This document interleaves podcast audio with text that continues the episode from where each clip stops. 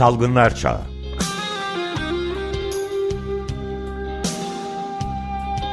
Pandemide Sağlık.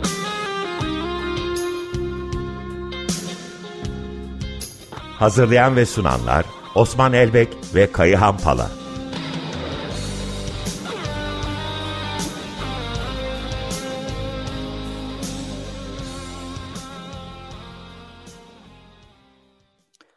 Merhabalar Osman Bey, günaydın. Günaydın. Ee, bugün Ömer Bey yok, ee, Kayıhan Bey'e ise şu anda ulaşabilmiş değiliz ama Feryal bir yandan ulaşmaya çalışıyor. Ee, eğer bağlanabilecek olursa kendisini de alacağız yayına. Ee, evet Özdeş Bey kötü bir güne uyandık aslında. Kötü iki gündeyiz. Ee, sizin de haberlerin girişinde ifade ettiğiniz gibi orman yangınlarıyla evet. mücadele ediyor Türkiye. Aslında e, Açık Radyo dinleyicileri çok iyi biliyor. Salgınlar, sel ve pandemi bu dünyaya yaptığımız ekolojik yıkımın sonuçları. E, ne yazık ki çok acı bir vaziyette ödüyoruz. E, çok hızlı artık bunların ortak nedenleri olan e, iklim krizini görmek, iklime müdahale edebilmek için de sisteme müdahale etmenin gerektiğini bir kere daha vurgulamak gerekiyor. E, o evet, zaman bu konuda Buyurun. Bu, bu konuda Suudi Arabistan'la Türkiye de anlaşmış. Öyle mi? Bilmiyordum. Evet gerçekten sisteme müdahale etmek. İkincisi de e, aynı pandemide olduğu gibi son derece beceri kabiliyeti düşük, organizasyonel becerisi hemen hiç olmayan, sorunların kendisiyle değil de soruna işaret eden bir kamusal yönetim anlayışını da hızla değiştirmek zorundayız. Aslında pandemide ne yaşıyorsak yangınlarda da onu yaşıyoruz, e, sellerde de aynı şeyi yaşıyoruz. E, bu bağlamda da pandemi konusunda e, dün akşam Dünya Sağlık Örgütü'nün son durum raporu yayınlandı. E, kritik gelişmeler var. Geçtiğimiz hafta tüm dünyada 3 milyondan insandan fazlasına resmi olarak doğrulanmış COVID tanısı aldı ki e, İngiltere verisi diyor ki e, tanı konulmayan olgu oranı %95. Bu 3 milyon vakayı böyle düşünmek lazım. Ee, yaklaşık 8 bine yakın insanı da geçtiğimiz hafta COVID'den kaybettik. COVID-19 pandemisi hala ölümcül bir salgın. Ee, en büyük e, ölümler şu anda hangi bölgelerde oluyor? E, şu an Güneydoğu Asya ve Doğu, Kara, e, Doğu Akdeniz bölgesi daha ön planda ama önümüzdeki haftadan itibaren Avrupa'da e, ne yazık ki ölüm artışını beklemek lazım. Çünkü dünyada 3 Dünya Sağlık Örgütü bölgesinde Güneydoğu Asya'da, Doğu Akdeniz'de ve Avrupa'da son bir haftada yüzde 45'lere 46'lara bulan bir vaka artışı oldu. Hmm. Biz biliyoruz ki vaka artışlarının yaklaşık 2 ile 4 hafta sonra e, vefat ölümlerde de artış oluyor. E, Avrupa açısından durum gerçekten bir yaz e, dalgasını e, e, artık adını koyduracak biçime dönüştü ki Almanya Sağlık Bakanı bunu bir yaz dalgası olarak tarifledi. Hmm. Çünkü Avrupa'da 31 ülkede ki Avrupa'daki ülkelerin yaklaşık üçte birine karşılık geliyor. Ee, geçtiğimiz hafta yüzde 20'den daha fazla vaka oranları arttı. Öyle bir artış ki örneğin Malta'da yüzde 87, Yunanistan yüzde 81, Hollanda yüzde 71, Birleşik Krallık'la yüzde 40 gibi oranlara vardı. E, ve dünyada en fazla vaka saptanan 5 ülkenin ikisi e, Almanya ve Fransa olarak Avrupa'dan girdi. Önümüzdeki iki haftada da e, bunları ne yazık ki vefat sayılarındaki artışa yansımasını görmeyi bekliyoruz. Avrupa bu yüzden 60 yaş üstüne, e, bazı ülkeler 70 yaş üstüne hemen ek doz aşıyı gündeme getirdi. Çünkü Portekiz verisi bize gösteriyor ki yaşla birlikte COVID-19'un bu yeni varyantının e, ölüm oranı da %9'lara, %10'lara kadar ulaşıyor. Hmm. E, bu yüzden bir kere daha Türkiye'de hani Covid-19 pandemisi bitmiş, her şey ortadan kalkmış gibi görülüyor ama en azından son hafta Dünya Sağlık Örgütü verileri bizi bu açıdan uyarmalı. E, bir takım cümleler görüyorum, vaka sayıları artıyor ama yoğun bakımlar artmıyor, ölümler artmıyor. Böyle değil. Örneğin Danimarka, Fransa, Birleşik Krallık, Amerika verileri e, hastane yatışlarının arttığını, yoğun bakım yatışlarının arttığına işaret ediyor. Çünkü omikronun yeni bir varyantıyla karşı karşıyayız. Bu e, geçtiğimiz dört haftalık tüm e, numuneleri toplanıldığı zaman BA5 varyantı bu numunelerin yüzde 25'ine e, oluşturdu. E, ikinci varyant BA2.12.1 yüzde 17'sine ulaştırıyor. Bir de BA4 varyantımız var yüzde 9. E, bunlar alt sağlıklı, varyant denilen. Bunlar yani alt, varyant. alt varyantı değil mi? Yeni varyantları. e, şöyle bir önemi var. Örneğin Amerika Birleşik Devletleri'nde BA4 ve BA5 varyantı %35'e kadar yükseldi. E, bunun önemi şu, biliyorsunuz omikron alfaya, delta'ya daha önceki varyantlara göre daha bulaşıcıydı evet. bildiğiniz üzere. BA4 ve BA5 varyantının kesin olarak biliyoruz ki omikronun orijinal suşuna göre daha da bulaşıcı. Şimdi bulaşma kabiliyeti giderek artan bir virüsle uğraşıyoruz. İkincisi bu BA4 ve BA5 varyantının önemi omikronun orijinal BA1 varyantına göre aşıların getirdiği antikor kapasitesini çok daha hızlı düşürüyor. Yani zaman ilerledikçe aşıların korunma kapasitesinden daha hızlı kaçıyor bu varyant. O yüzden dünya bu omikron varyantına karşı özel bir aşıyı tartışıyor ki dün gece itibariyle Moderna şirketi web sayfasında yayınladı. Ee, yeni e, aşı omikrona karşı geliştirdiği aşı BA4 ve BA5 varyantına göre orijinal aşıya göre daha çok koruyor. O yüzden önümüzdeki dönemde e, e, ağırlıkla e, ülkenizdeki varyantı bilmek ve buna özgü stratejiler geliştirmemiz lazım. Bunun için test yapmamız lazım. Bunun için genomik analiz yapmamız lazım. Türkiye ne yazık ki bunları yapmıyor. O yüzden Türkiye'de hangi varyantın egemen olduğunu bilmiyoruz. Çünkü Türkiye sorunu bir kamusal sorun, bir toplumsal sorun olmaktan çıkarmış. Kişiler isterse maske taksın, sağlık kurumları dışında istemiyorsa da takmasın noktasına gel- gelmiş durumda. Bundan hızla çıkmak gerekiyor. Hızla gelen dalgayı bu beklediğimiz sonbahar dalgası değil bir kere de altını çizmem lazım. Bu bir yaz dalgası. Bu yaz dalgasının ciddiyetine uygun hareket etmek lazım. Ee, tabii anladığımız bağlam- kadarıyla yine ekonomik tabii kaygılar ön planda yazın turizm vesaire etkilenmesin diye herhalde yapılıyor. Az evvel saydığınız ülkelerden Yunanistan ve Malta dediniz e, mesela. Tabii buralar da yani Avrupa'nın e, turizm yerleri. E, dolayısıyla eğer bu, buralarda yayılacak olursa bundan birkaç hafta sonra gerçekten bütün bir Avrupa'da daha fazla işte bu varyantı göreceğiz anlamına geliyor herhalde.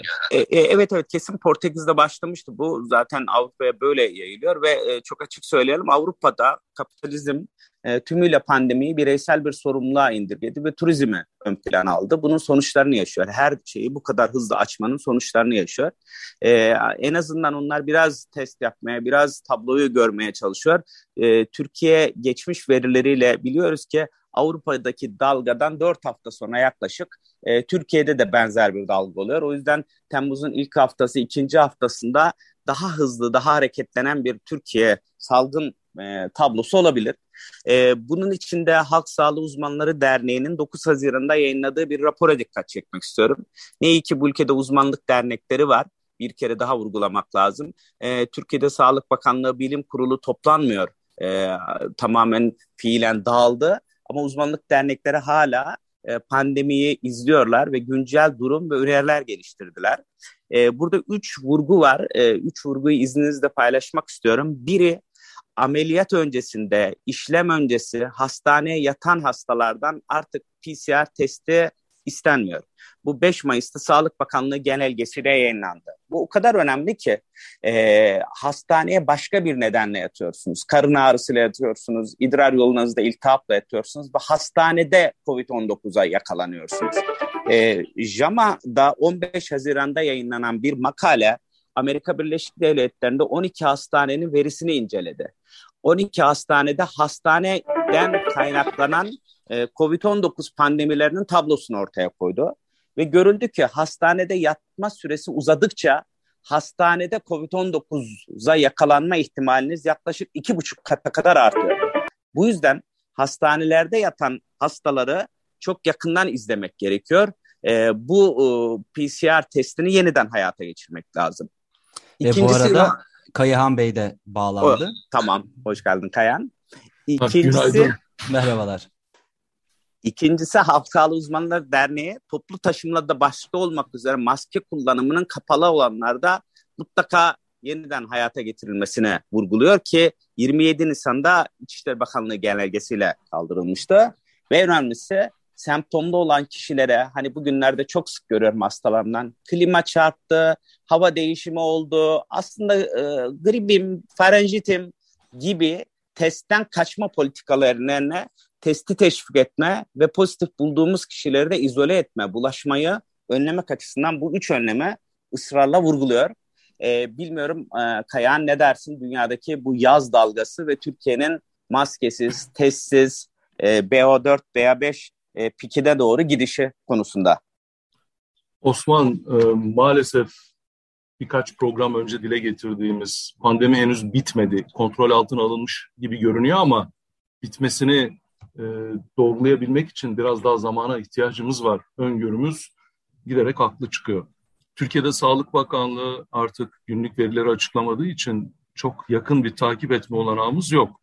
Ancak senin de sözünü ettiğin gibi bazı ülkelerde daha ön plana çıkmak üzere Portekiz gibi örneğin e, ciddi bir yeni dalganın eşiğine girdiğimiz anlaşılıyor.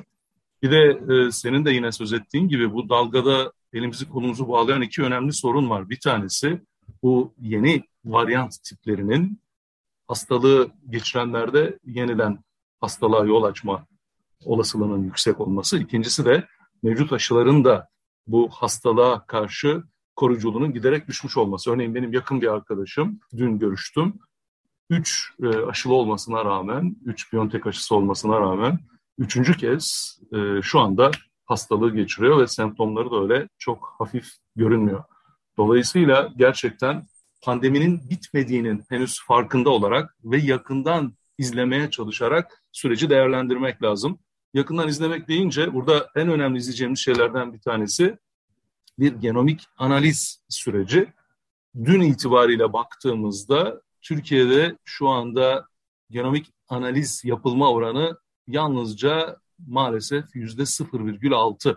Başka birkaç ülkeden örnek verecek olursam, örneğin Danimarka'da bu yüzde 16, Birleşik Krallık'ta yüzde 12,5 ve görece Almanya'da daha düşük olmasına rağmen yüzde 2,41.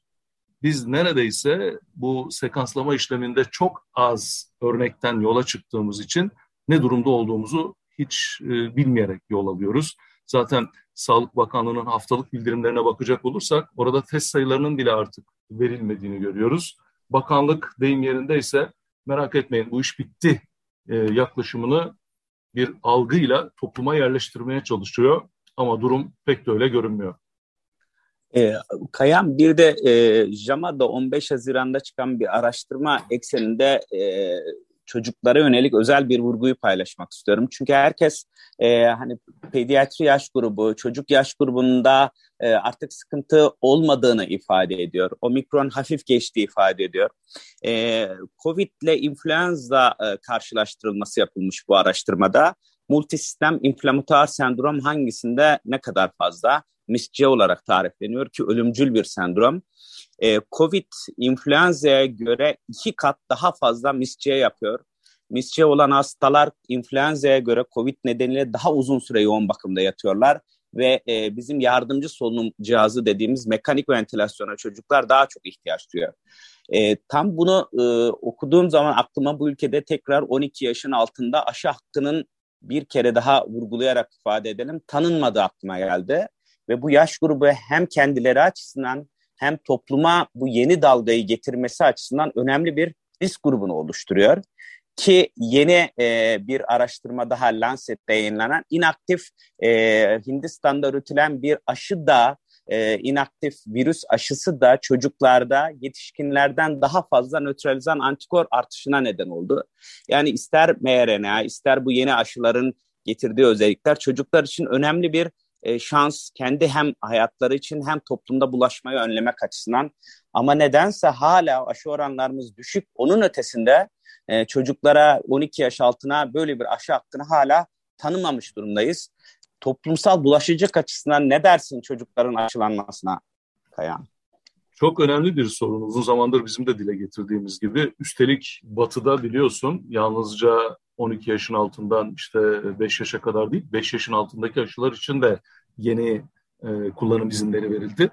Üstelik dünyaya baktığımızda bu alanda çok başarılı bir performans gösteren ülkeler arasında birinci sırada olan Küba uzun zamandır 2 yaşın üstündeki çocuklarını aşılıyordu zaten. Hem çocukları korumak için hem de bu toplumsal bağışıklık eşiğini yakalayarak risk altında olanları korumak adına önemli bir adım atabilmek için çocukların aşılanması çok önemli. Sağlık Bakanlığı'na çok uzun zamandır çağrımızı istersen yineleyelim.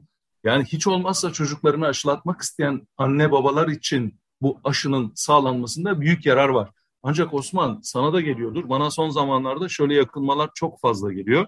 Yani özellikle hatırlatma dozu diye anılan dozu yaptırmak için kuruluşlara başvuranlar 6 kişiyi tamamlayamadıkları için örneğin Biontech aşısı e, yaptıramadıklarını dile getiriyorlar. Türkiye'de sanırım artık e, aşılama neredeyse durmuş durumda. Bu da yeni dalgaya karşı bir savunma kalkanı oluşturmak açısından sıkıntıyı da gündeme getiriyor. Dolayısıyla hem çocukların aşılanmasına önem göstermek hem de erişkinlerin eksik aşılarını yaptırması için çaba göstermek halen güncel. Ama yeri gelmişken şunu da söyleyelim. Bir yandan da e, bu hastalığa karşı durumu yakından takip edip güncel aşıların devreye girmesi için de çaba göstermenin tam zamanı. Maalesef Türkiye uzun yıllar önce elindeki bu olanağı tamamen bir kenara itip Hıfzı Enstitüsü'nü kapattığı için şu anda dış dünyaya, sermaye kesimlerine ve şirketlere bağlı olarak bu politikayı yürütmek zorunda. E, ve e, en azından Avrupa'nın peş peşe ülkeler bazında e, dördüncü doz aşıyı özellikle ileri yaşta ve bağışıklığı düşmüş kişiler için e, bu yaz dalgasıyla gündeme getirdiğini vurgulayarak en azından Sağlık Bakanlığı'nın COVID-19 pandemi bilimsel kurulunu en azından bunları görüşmek için toplantıya çağırmasının e, artık hani zorunluluk haline geldiğini vurgulamak gerekiyor. E, aşı derken dünyaya dair birkaç cümle e, söyleyelim. E, sonuna doğru geliyoruz programın. Dünya bugün itibariyle dünya nüfusunun yüzde 66'sını aşılayabilecek oranda bir aşı e, tüketimine e, mazhar oldu. 12 milyar doz harcadı ama düşük sosyoekonomik ülkelerde e, bu yüzde 18'lerde yüksek zenginlerle yoksullar arasındaki aşı eşitsizliği 8 kat. E, tam bunun üzerine çok uzun zamandır Dünya Ticaret Örgütü'nde tartışılan bu patentten arındırma meselesi geçen hafta gündeme geldi ve büyük bir müjde olarak sanki aşılar e, patentten feragat edilmiş gibi Dünya Ticaret Örgütü böyle bir jest yapmış gibi haberlere söz konusu oldu. Böyle değil. Ee, özellikle bu patent tartışmasında Amerika Birleşik Devletleri, İngiltere ve Avrupa Birliği patentten feragatı önleme konusunda elinden gelenden fazlasını yaptı. Güney Afrika ve Hindistan 20 aydır bu patentlerin tüm insanlığa mal olması için uğraşıyor. Ama dünyanın tırnak içerisinde gelişmiş, çağdaş, demokratik, batılı ülkelere bunları insanlığa vermemek üzerine, kar hırsı üzerine gasp etmeye devam ediyorlar. Son e, yayınlanan feragat sınırlı sayıdaki ülkeler için aşı üretemeyecek ülkelere aşı ihracatı konusundaki teknik bir maddenin sulandırılması. E, Oxfam'da da çok güzel tariflenmiş. E, bu hayatları değil diyor, itibarı kurtarmaya amaçlayan teknokratik bir şekerleme. Bu yüzden patentlerden muaf falan değil hala aşılar. Aşı dışındaki hiçbir ürün, serolojik testler, antikorlar, tedaviler Dünya Ticaret Örgütü patentlerinden vize alamadılar. E, bu yüzden bir kere daha bu dünya bir utanç içerisinde aşıyı gasp eden, tedaviyi gasp eden batılı, çağdaş, demokratik diye tariflediğimiz ülkelerin günahıyla yürüyor. E, bu yüzden hani bu vurguyu yapmak lazım. Gecikmiş e, olumlu bir haber olarak sıklıkla yansıdı. yansıdı. Böyle değil. E, patent hala gasp olarak e, tüm COVID-19 sürecinin üzerinde bir demokrasinin kılıcı gibi duruyor. Ne dersin Kayan? E, merkez kapitalist ülkelerin tamamen sağlığı metalaştıran, buradan bir sermaye birikimi ve kar maksimizasyonu elde etmeye dönük çabalarının bir yansıması. Dolayısıyla bütün bu süreçleri konuşurken hatta biraz daha öteye gidelim. Son zamanlarda işte maymun çiçeği hastalığı, maalesef dün çocuk felci e, meselesinin İngiltere gibi bir ülkede ortaya çıkma ihtimali aslında küresel kapitalizmi bir kez daha sorgulamayı zorunlu kılıyor Osman. Eğer biz küresel kapitalist sistem içerisinde kalarak bu sorunları en azından orta vadede ya da uzun vadede çözebileceğimizi düşünüyorsak orada bir çözüm yok. Eninde sonunda çünkü bunu şirketler ve sermaye sahipleri daha fazla kazanca dönüştürmek üzerinden adım atacaklardır. Bu kapitalizmin maalesef doğasıyla ilişkili bir süreç. Senin söylediğin gibi işte Oxfam'ın raporlarında da yer aldığı gibi zaman zaman işte kamuoyu baskısı ya da kar maksimizasyonunun bir algı yaratma sürecinin bir parçası olarak sankiymiş gibi bir takım kavramlar öne çıkıyor ama bu özellikle dar gelirli, yoksul, yoksun insanların aşıya, ilaca, sağlık hizmetlerine daha iyi yaşam olanağına erişmelerinin önünde ciddi bir engel olmaya devam ediyor. O bu konuda de... dün aslında önemli bir haber vardı. Mesela Amerika'da biliyorsunuz bu yılın silahlanma bütçesi 857 e, milyar dolar e, açıklandı. Bir yandan da pandemi döneminde okullarda yoksul e, çocuklar için bu pandemiyle mücadelede beslenmenin de öneminden dolayı bir uygulamaya geçilmiş ve okullarda ücretsiz yemek çocuklara e, veriliyormuş. Artık da bir pandemi geride kaldığı için e, bu uygulamadan vazgeçilecekmiş bu ayın sonundan itibaren. Buna karşı bir e, itiraz vardı. Sadece 11 milyar dolar e, bunun yıllık bütçesi diyorlardı. 857 milyar dolar silaha ayırıyorsunuz. Çocukların beslenmesine 11 milyar dolar ayırmıyorsunuz diye itiraz vardı. Yani e, gıda yerine silahlanmayı seçti mesela Amerika Birleşik Devletleri. Yani zamanımız var mı bilmiyorum ama bu çok güzel bir örnek. Geçmişe biraz dönecek olursak bu 2008 küresel e, finans krizi öncesinde Amerika'da aşağı yukarı 49 milyon insan sağlık sistemi içerisinde e, güvencesiz bir durumda yaşıyorlardı ve bunlara bir güvence sağlayabilmek için kamu sigortalarının 200 milyar dolar bir paraya ihtiyacı olduğu hesaplanıyordu ve diyorlardı ki bizim böyle bir paramız yok. Ama hatırlayın o kriz olur olmaz şirketlere 4 trilyon dolardan daha evet. fazla kaynak aktardılar.